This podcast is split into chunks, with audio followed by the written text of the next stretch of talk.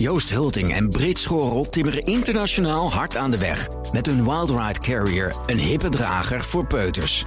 Maar succes komt nooit vanzelf. Ook niet voor dit ondernemersduo uit Haarlem. Want ondernemen is nou eenmaal vallen en opstaan. Welke inzichten hebben zij opgedaan om van hun bedrijf een succes te maken? Je leest het op partner.fd.nl/slash exact. Exact. Uitzicht begint met inzicht. Wetenschap vandaag. Met in de studio vandaag weer is Martijn Rosdorf. Dat was alweer een tijdje geleden. Ja, ja, ik was even, eh, even overzees. Maar... Leuk dat je er weer bent. Fijn om hier weer te zijn. Nou, het wetenschappelijk nieuws vandaag. Daar ga je een miljoen mensen blij mee maken. Ja, want ruim een miljoen Nederlanders hebben een huidziekte... zoals eczeem of psoriasis. Vreselijk vervelend als je daar last van hebt. Ontzettend lastig te behandelen. Maar hoogleraar innovatieve, experimentele... en translationele dermatologie, Ja. professor Dr. Ellen van der Boogaard...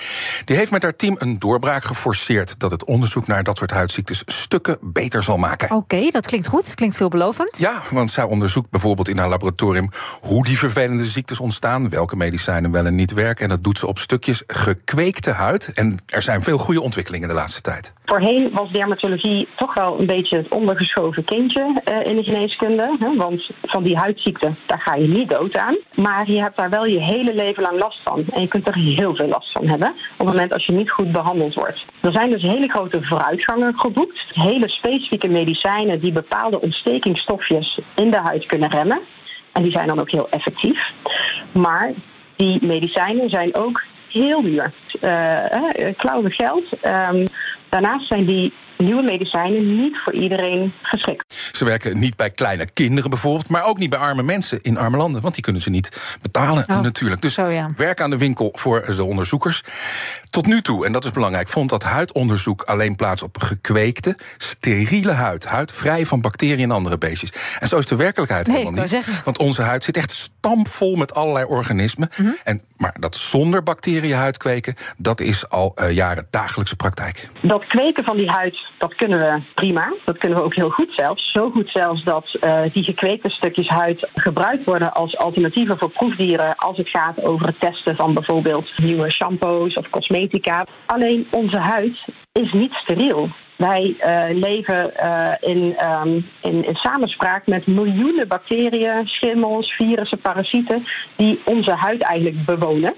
Maar onze celkweekmodellen en onze huidkweekjes, die zijn tot nu toe altijd steriel geweest. Want als je aan cellen werkt in celkweeklaboratoria, dan doe je er eigenlijk alles aan om bacteriën om die buiten de deur te houden. Ja, dat klinkt logisch. Maar dat betekent dat het dus eigenlijk helemaal geen goede weergave is van de Zo'n werkelijkheid. steriel stukje huid. Nee, ze deden echt hun stinkende best om die bacteriën buiten de deur te houden. Heel veel antibiotica in dat kweekmedium, steriele kweekkasten. Iedereen moest helemaal van die pakken aangesteriliseerd worden. Maar niet de werkelijkheid dus. Nu het goede nieuws. Elle van der Boogaard en haar team hebben een methode ontwikkeld... waarmee ze huid kunnen kweken met bacteriën erop... terwijl de huid in leven blijft en de bacteriën ook. En die nieuwe methode om huid te kweken met bacteriën... is heel erg simpel eigenlijk. De huid wordt gekweekt in een soort bakjes, luister maar, een soort mandjes. In die mandjes, aan de randen van die mandjes, daar, daar is het lek. Nou, als je dan bacteriën bovenop op die huid aanbrengt, dan glippen die bacteriën eigenlijk vrijwel direct naar je kweekmedium. Nou, daar zitten suikers in, allerlei voedingsstoffen die wij gebruiken om die huidcellen in leven te houden. Maar bacteriën doen het daar ook ontzettend goed in. Dus dan heb je vrijwel meteen een infectie. Nou, hebben we jarenlang geprobeerd om die gaten aan de randen van ons celkweekbakje te dichten. Nou, we hebben geprobeerd met lijm, met stukjes erop te plakken, eh, noem het maar op.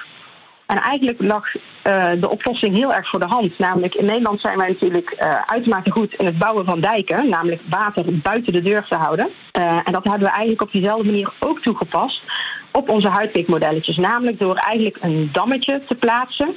Waardoor de bacteriën op het, in het binnen blijven.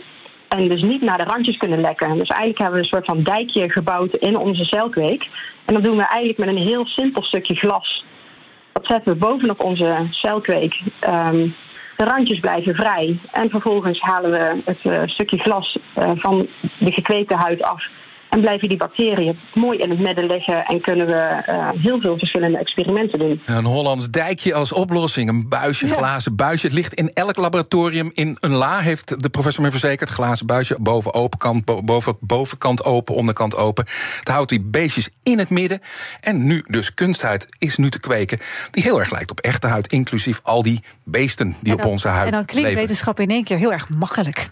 Ja, niet bepaald rocket science, vond de professor zelf ook trouwens. Ja, het is uh, zo simpel dat we het eigenlijk jarenlang over het hoofd hebben gezien. Ja, het mooie is dat die onderzoekers uit Nijmegen, die, hoe die buisjes te, precies te gebruiken bij de kweek, hebben ze gepubliceerd als een protocol in al die wetenschappelijke tijdschriften, zodat onderzoekers over de hele wereld die methode kunnen gebruiken bij het onderzoek.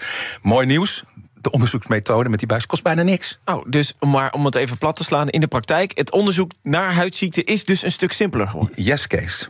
Die beestjes die normaal gesproken op onze huid leven, die kunnen we met een wattenstaafje kunnen we van de huid wrijven. Die brengen we vervolgens op onze gekweekte huid.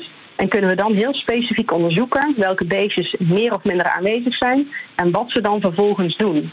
Dus met name willen weten wat ze doen, wat is de functie van die bacteriën die op onze huid leven, dat kunnen we nu onderzoeken. En de vraag wanneer patiënten met een vervelend eczeem of psoriasis, psoriasis moest ik trouwens zeggen van oh. de professor, ja. wanneer we hier, die hier iets van gaan merken bij de apotheek of bij de dokter, dat is een lastige vraag.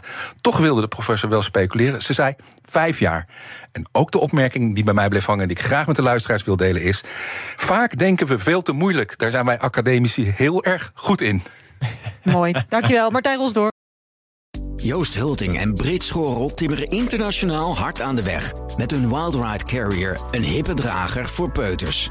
Maar succes komt nooit vanzelf. Ook niet voor dit ondernemersduo uit Haarlem. Want ondernemen is nou eenmaal vallen en opstaan. Welke inzichten hebben zij opgedaan om van hun bedrijf een succes te maken? Je leest het op partner.fd.nl/slash exact. Exact. Uitzicht begint met inzicht.